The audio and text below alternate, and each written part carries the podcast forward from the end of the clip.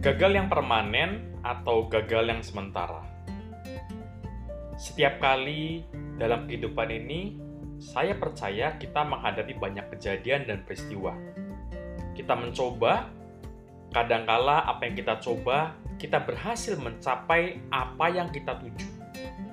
Namun, terkadang juga waktu kita mencoba, ternyata kita belum mendapatkan hasil yang kita inginkan.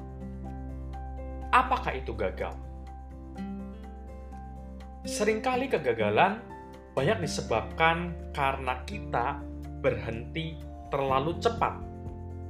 Ini yang menyebabkan kita gagal secara permanen.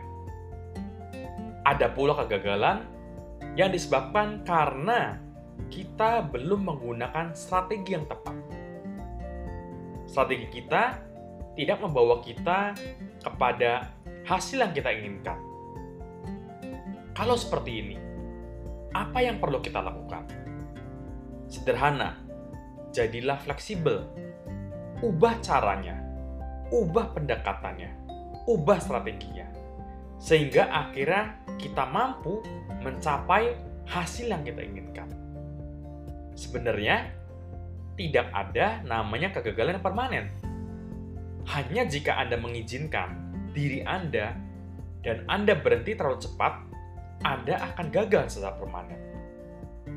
Selalu, setiap kali Anda mengalami sebuah hasil yang tidak Anda inginkan, ubah caranya, ubah strateginya, jadilah fleksibel. Karena tidak ada yang namanya gagal. Yang ada hanyalah umpan balik. Demikian dari saya Adrian Luis. Sukses selalu untuk Anda semua. God bless you.